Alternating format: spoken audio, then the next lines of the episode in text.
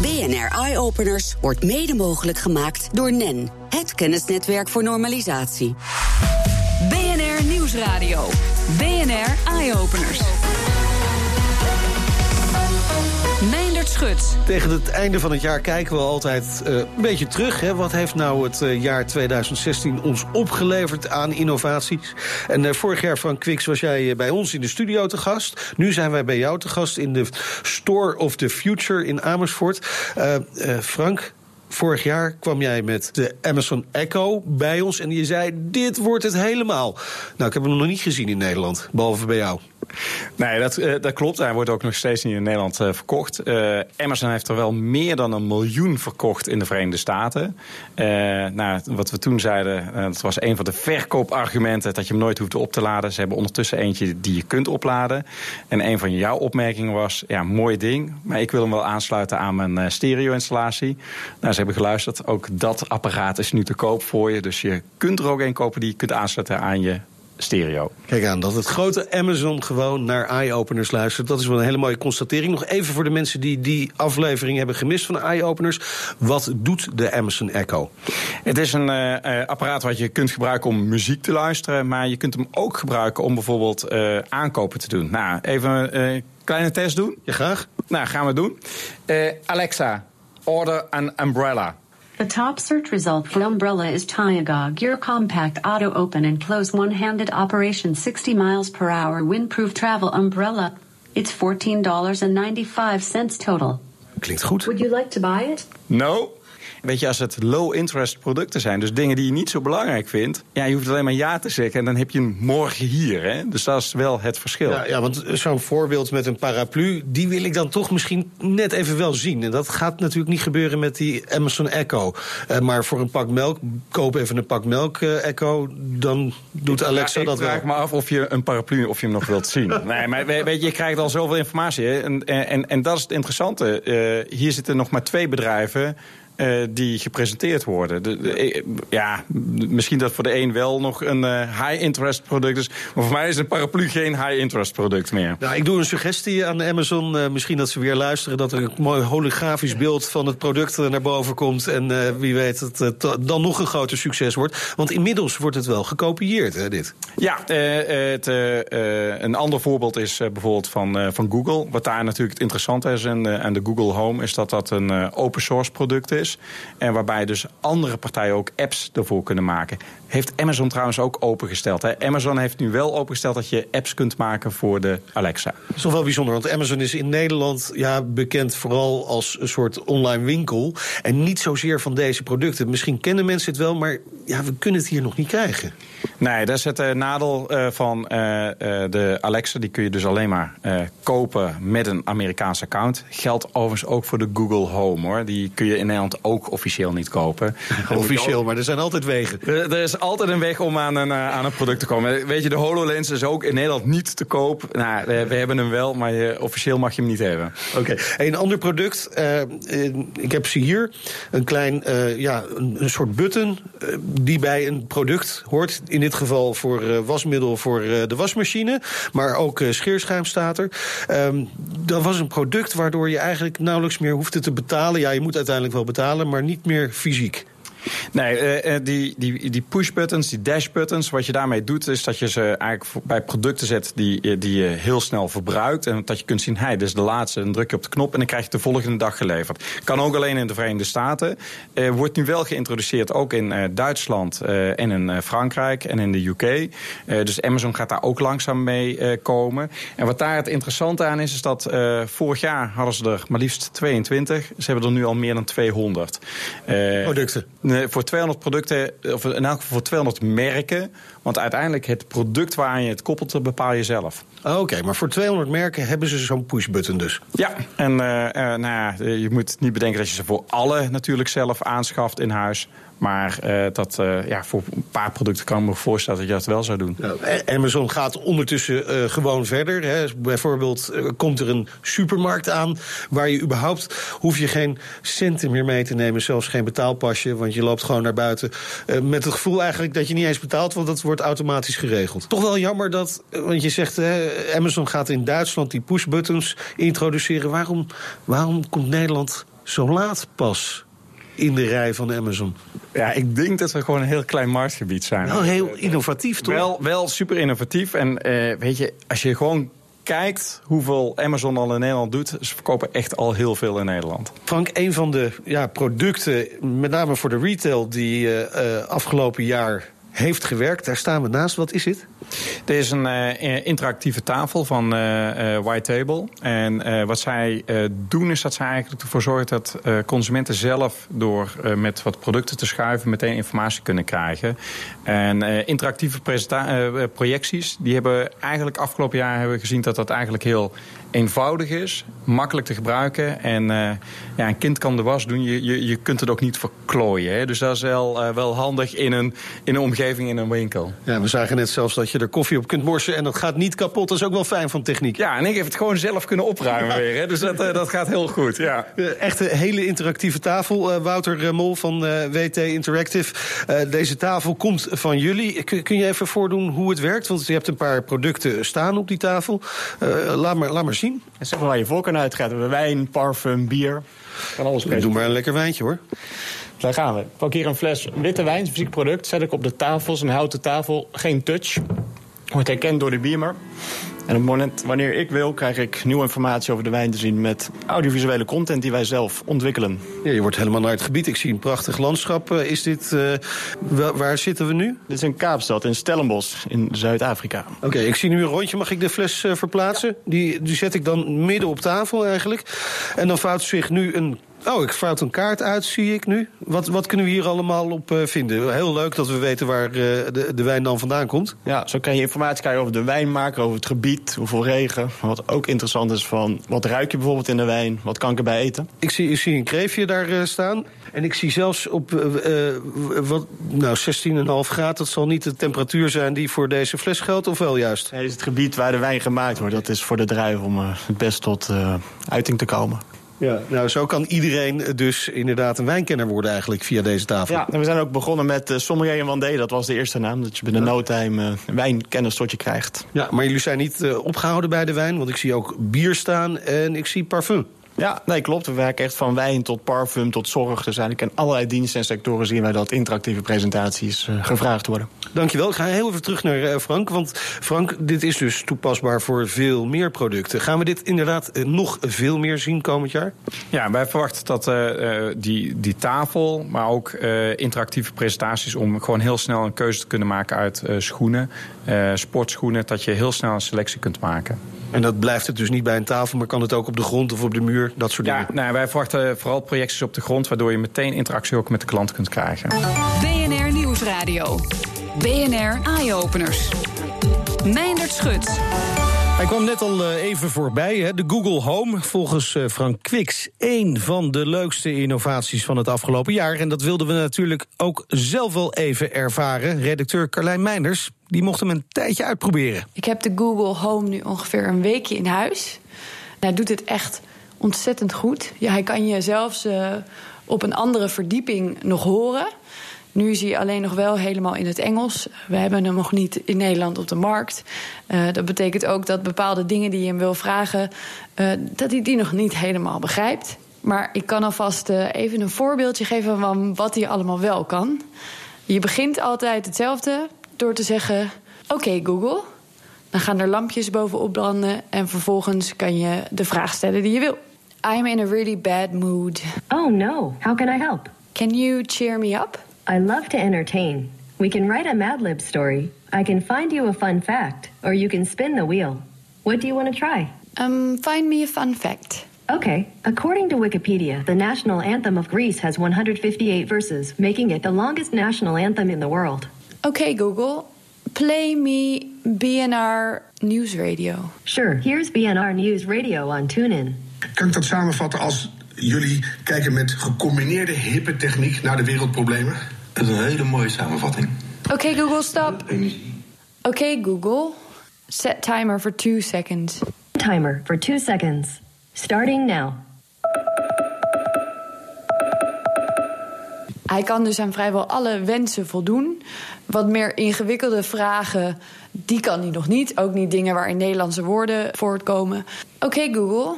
Can you explain sex? Sorry, I don't understand. Zijn dus bepaalde onderwerpen waar uh, Google zich liever niet aan waagt of waarin ze nog niet zo ver zijn. Ik moet eerlijk toegeven dat ik best wel gehecht ben geraakt aan dit apparaatje. Het is sowieso entertainment voor wie er ook maar in je huis komt. Maar hij kan nog niet alles wat je zou willen. Mij is het ook nog niet gelukt om alles te linken eraan. Zoals mijn uh, muziek bijvoorbeeld. Dat zit allemaal nog wat ingewikkeld met Amerikaanse accounts en dat soort dingen. Uh, maar hij kan al heel veel. En ik denk, volgens mij is hij nu richting de 180 euro. Uh, dat als ze hem blijven updaten. En je kan dit apparaatje gewoon houden terwijl de software steeds beter wordt. Dan is dit zeker een ontzettend leuk apparaatje om in je huis te hebben. Oké, okay, Google, good night. Sleep well. En straks blikken we met de TU Delft terug op een jaar vol technische hoogstandjes. BNR Nieuwsradio. BNR Eye-Openers. Een jaar lang ontvingen we gasten in de studio die met hun innovatie de wereld weer een stukje beter, veiliger of duurzamer wilden maken. En vaak kwamen die gasten van één van onze technische universiteiten. Carlijn Meinders die kijkt met de TU Delft terug op het afgelopen jaar. Een sensorfiets voor wielrenners, een slaaprobot voor mensen met een slechte nachtrust en een 3D-printapparaatje dat ruggetjes kan dichten in de baarmoeder. Het zijn enkele van de innovaties van de TU Delft die we afgelopen jaar voorbij zagen komen in eye-openers. Maar wat waren nou de grote vraagstukken waaraan werd gewerkt in 2016? Deborah Nas van de TU Delft weet daar meer over. 2016 was een jaar waarin er grote stappen genomen zijn in quantumtechnologie. Uh, in Delft hebben we een van de, de leidende instituten in de wereld. Dat heet QTech. En uh, daar zitten ook bedrijfspartners in. Dus een initiatief van de TU Delft en TNO. Maar er zitten bijvoorbeeld ook Intel en Microsoft in. Microsoft heeft aangekondigd afgelopen maand dat ze hun investeringen in quantumonderzoek gaan verdubbelen. de Europese Commissie heeft in april aangekondigd dat ze een quantum flagship gaan starten waarmee ze 1 miljard beschikbaar maken. En wat quantum allemaal gaat brengen is nog moeilijk te voorspellen. Maar dat de impact groot gaat zijn, daar is eigenlijk iedereen het wel over eens. Um, quantum computing uh, maakt de rekenkracht zo exponentieel veel groter... dat het uh, bijvoorbeeld alle bestaande cryptografie uh, zo makkelijk te kraken zal maken. Um, dat je ineens natuurfenomenen kunt gaan simuleren die tot op heden veel te complex waren. En we verwachten ook dat het heel veel gaat doen op het gebied van artificial intelligence en uh, machine learning. Maar hoe precies en wat precies is nog onduidelijk. En dat is ook een beetje het punt met innovatie. Dingen die nu uitgevonden worden, ja, dat kan nog jaren duren voordat dat grote commerciële successen zijn. Maar er waren natuurlijk ook innovaties die juist wel commercieel impact hadden. En dat zit hem volgens NAS onder andere in de digitalisering. Ik werk in de praktijk ook veel met bedrijven om hun te helpen om hun customer journeys te digitaliseren. Uh, dus dat betekent eigenlijk het, uh, het contact tussen bedrijf en klant steeds verder verdigitaliseren. Uh, en de menselijke component kleiner maken. En een belangrijke factor daarin die dat mogelijk maakt is machine learning. En waar we het afgelopen jaar wel nieuwe toepassingen van zagen, was dat er hele betaalbare chatbots bijvoorbeeld kwamen. En een chatbot is eigenlijk een stuk software die je in een website zou kunnen hangen en die kun je trainen. Dus je callcenter medewerkers kunnen zo'n chatbot trainen, uh, waarmee een chatbot eigenlijk gaat leren zoals een mens ook leert. En op basis van artificial intelligence en machine learning um, nieuwe data aan oude data kan koppelen, patronen kan herkennen en eigenlijk een soort conversatie met een gebruiker aan kan gaan alsof het een mens is. En dat gaat heel veel kostenbesparingen brengen uh, en een, uh, heel veel mogelijkheden voor consumenten of, of, ook zakelijke klanten om meer self-service te gaan doen. En voor dezelfde techniek die achter machine learning zit, zien we ook hele leuke toepassingen voor de kunstsector. Afgelopen jaar zagen we het project The Next Rembrandt, waar eigenlijk nu 350 jaar na de dood, of bijna 350 jaar na de dood van Rembrandt, uh, een nieuw Rembrandt-schilderij gecreëerd is waar op basis van analyses en algoritmes van andere portretten eigenlijk een nieuw portret gecreëerd is. Dat er exact uitziet zoals een Rembrandt uh, dat gemaakt zou hebben. En wat ook het leuke is uh, van deze vorm van kunst, is dat er ook hele nieuwe productietechnieken bij komen kijken. Dus je hebt het, uh, het traditionele printen, noemen we 2D-printen. het echte Uh, objecten printen noemen we 3D-printen. En het, de technologie om schilderijen te printen noemen we vaak 2,5D printen. Oh, dat is eigenlijk een, een plat oppervlak met een bepaald relief, relief erin. Uh, waardoor je dus ook een schilderij... Want een schilderij is niet plat. Een, een schilderij heeft de, de vegen van de kwast... Uh, heeft een bepaalde structuur, wordt in lagen opgebouwd. En omdat je door die lagen heen kan kijken, krijgt iets een bepaald effect of een bepaalde kleur. En daar gebeurt ook heel erg veel in, uh, in, in die ontwikkeling. De techniek kan zelfs van grote invloed zijn op de energiesector. Een andere toepassing waar machine learning uh, veel gebruikt gaat worden... en waar we nu de eerste dingen van zien... is het uh, matchen van vraag en aanbod en ook voorspellingen daarin. Uh, en dat is bijvoorbeeld heel relevant voor het opwekken van duurzame energie... waarbij eindgebruikers steeds meer door middel van wind of zon energie gaan opwekken... Dat gebeurt allemaal lokaal. Die energie moet lokaal opgeslagen worden, maar wordt ook, als het goed is, in de toekomst lokaal verhandeld. Waarbij energiebedrijven eigenlijk steeds meer gaan acteren als een intermediair tussen partijen die energie nodig hebben en energie opwekken. De TU Delft kwam dit jaar zelf ook nog met een leuke innovatie op dat gebied. Een batterij die twee technieken heel slim weet te combineren. Ik sprak erover met Fokke Mulder. We hebben een, uh, een batterij geïntegreerd met een apparaat dat waterstof kan maken. Het nut daarvan is dat je daarmee stroom kan opslaan. Uh, stroom die uit steeds meer bronnen komt. Uh, we denken vooral aan duurzame energie uit windmolens en uit zonnecellen. Op sommige momenten heb je daar te veel van en op andere momenten heb je te weinig. Dus dan wil je die, uh, die stroom gaan opslaan voor later. Er zijn verschillende methodes altijd geweest. Eén methode is batterijen. En een andere methode is het maken van brandstoffen die je dan bijvoorbeeld uit waterstof maakt. Dat waren altijd een beetje concurrerende werelden. verschillende gebruikers en verschillende voor- en nadelen. Maar we kwamen er eigenlijk achter dat je twee verschillende soorten van elektriciteitsopslag wil hebben. Je wil eigenlijk uh, opslag voor de, de, wat kortere tijd. Dus zeg maar uh, overdag schijnt de zon en s'nachts niet. En dan wil je uh, s'nachts wel stroom hebben. Dus een korte duur, een paar uur tot tot een dag. Nou, dat kan je heel mooi doen in accu's en batterijen. Aan de andere kant heb je ook nog ja, veel langere tijdsduren waarbij je energie wil opslaan. Bijvoorbeeld uh, in de zomer wordt er heel veel zonne-energie opgewekt. Maar ja, in de winter heb je die eigenlijk nodig als je moet verwarmen en meer verlichting nodig hebt en dergelijke. En dan moet je dus eigenlijk een heel seizoen gaan opslaan. En dat kan eigenlijk het beste met, met brandstoffen. Wat we nu hebben gedaan is een apparaat maken waar eigenlijk alle twee die dingen in zitten. Dus je kan het korte tijdsduur opslag als accu. En als de accu vol is, bijvoorbeeld in de zomer heb je heel veel stroom overdag en uh, de accu zit gewoon vol. Dan gaat hij vanzelf uh, waterstof maken. En die waterstof die kan je dus opslaan om daar later in de winter weer stroom van te maken. Dat gaat helemaal automatisch. Het, doen de materialen die daarin zitten vanzelf. Wat voor toepassingen kunnen we dit allemaal gaan terugzien? Nou, ik denk vooral in de opslag van stroom op de schaal van uh, ja, windmolens of windmolenparken of uh, zonnecellenparken. Dus juist op de wat grotere schaal, omdat het ja, naar mijn smaak niet zo snel op de schaal van een huishouden of zo toegepast gaat worden. Er is meer een trend in de richting van uh, huizen die volledig elektrisch zijn. En we hebben hier natuurlijk ook een installatie die uh, nou ja, uiteindelijk wel waterstof maakt. En dat is toch eigenlijk iets wat gehanteerd wordt in een meer industriële omgeving. En hoe is hierop gereageerd eigenlijk? Nou, we zijn uh, achter de schermen eigenlijk uh, in gesprek met verschillende bedrijven. Um, ook trouwens om ons onderzoek nog verder uh, gesteund te krijgen. Ja. En er wordt over het algemeen heel geïnteresseerd en enthousiast op gereageerd. Dus, dat ziet er goed uit. Ja. Nieuwsradio. BNR Eye-Openers. En zoals altijd sluiten we de uitzending af met uh, Elger van der Wel. Hij is hoofdredacteur van Numrush.nl en heeft het hele jaar voor ons de innovatienieuwtjes uit het buitenland in de gaten gehouden. En vandaag kijken we even terug uh, op het jaar 2016, Elger. Wat waren volgens jou toch de meest spraakmakende innovaties van afgelopen jaar? Nou, ik, ik denk hetgene waar wij het in ieder geval het meest over hebben gehad iedere week is er was elke week wel nieuws over zelfrijdende auto's.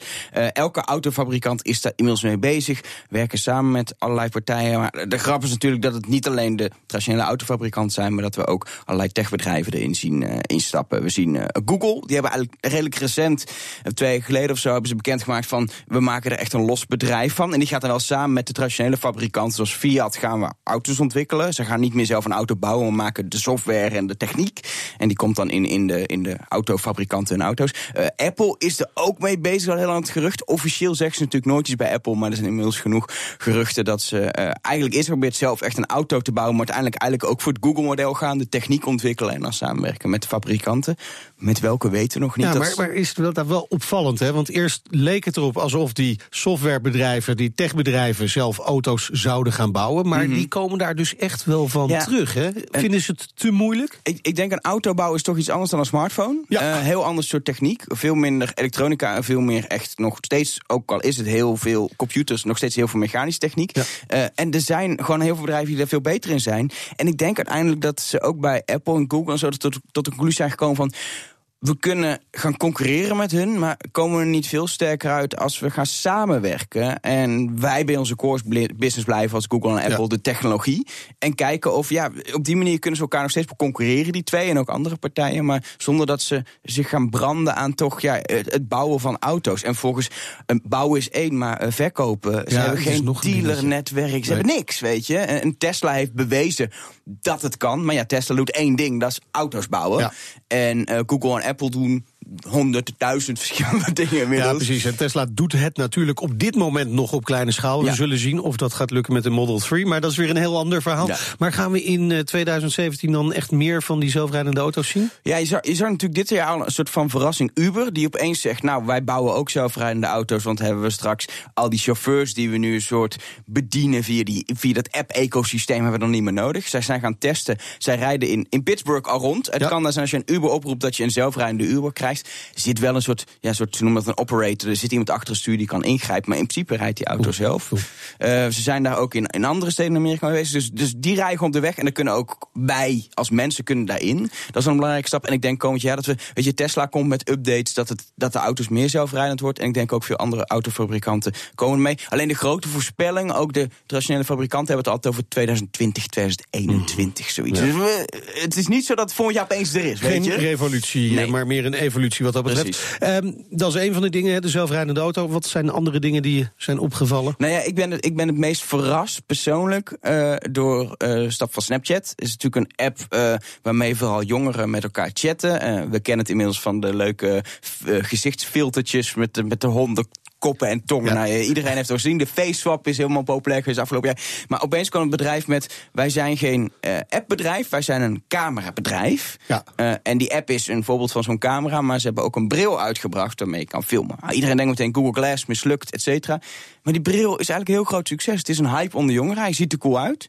Het heeft een duidelijke functie. Je kan er namelijk mee filmen voor Snapchat. Eh, ze hebben hem heel slim in de markt gezet. door hem niet gewoon overal online in winkels te verkopen. maar echt heel beperkt beschikbaar te maken via een soort. Ja, is uiteindelijk een soort snoepautomaat. Die zet ze ergens neer. Daar kun je heen, dan kun je een bril kopen. Hij kost maar 130 dollar. Relatief weinig. En je ziet wel. eh, hij is cool, mensen gebruiken hem, hij werkt simpel. En het is toch weer een heel nieuw ding. Het feit dat je een camerabril hebt, is eigenlijk tot nu toe niet gelukt. En Snapchat lukt het. En dat vind ik wel een soort van los van... dit is niet dat we morgen allemaal zo'n ding hebben. Wel weer een soort doorbraak in technologische acceptatie in de maatschappij... die ik heel en, interessant en, en vond. natuurlijk een stuk goedkoper dan bijvoorbeeld de HoloLens. Ja, Om nee, maar eens even iets te noemen. Dat, dat sowieso. En een HoloLens kan natuurlijk veel meer. Was trouwens ook echt een ding het afgelopen jaar natuurlijk. We hebben het, we hebben het al over virtual reality gehad. Dit jaar kwamen al die brillen op de markt. eh, ehm, eh, de Oculus Rift, de HTC Vive, weet je wel. Waar we jaren naar uit hebben gekeken, die zijn er nu. En eigenlijk zie je vervolgens dat Microsoft de HoloLens uitbrengt in een ontwikkelaarsversie. Allerlei andere technieken opkomen. Iedereen zegt, ja, virtual reality cool gaat nog heel veel op gebeuren. Maar dat augmented reality, waarbij je dus de echte wereld om je heen ziet en daar iets aan toevoegt, is een veel grotere belofte. En ik denk ook voor de toekomst dat eigenlijk 2017 het jaar is dat iedereen een beetje overgekregen. Virtuality leuk, maar augmented reality gaat het misschien wel echt worden. Dankjewel, Elger van der Wel, hoofdredacteur van Numbers.nl. Dit was de laatste uitzending van Eye-Openers in 2016. Iedereen een prettige jaarwisseling gewenst. En je hoort ons, zoals altijd, in de toekomst. BNR Eye Openers wordt mede mogelijk gemaakt door NEN, het kennisnetwerk voor normalisatie.